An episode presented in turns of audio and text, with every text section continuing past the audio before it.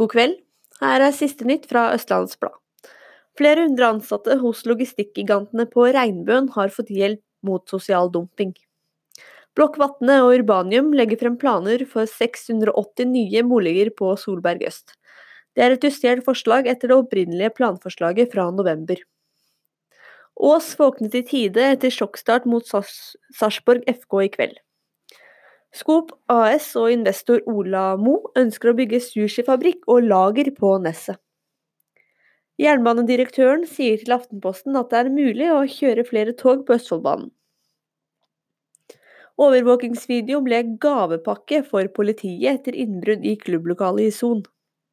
Og sist, men ikke minst, det er en ny episode av Sportspodkasten ute nå. Her diskuteres bl.a. sykling på landeveiene. Siste nytt fra Østlandsblad fikk du av Natalie Kristiansen.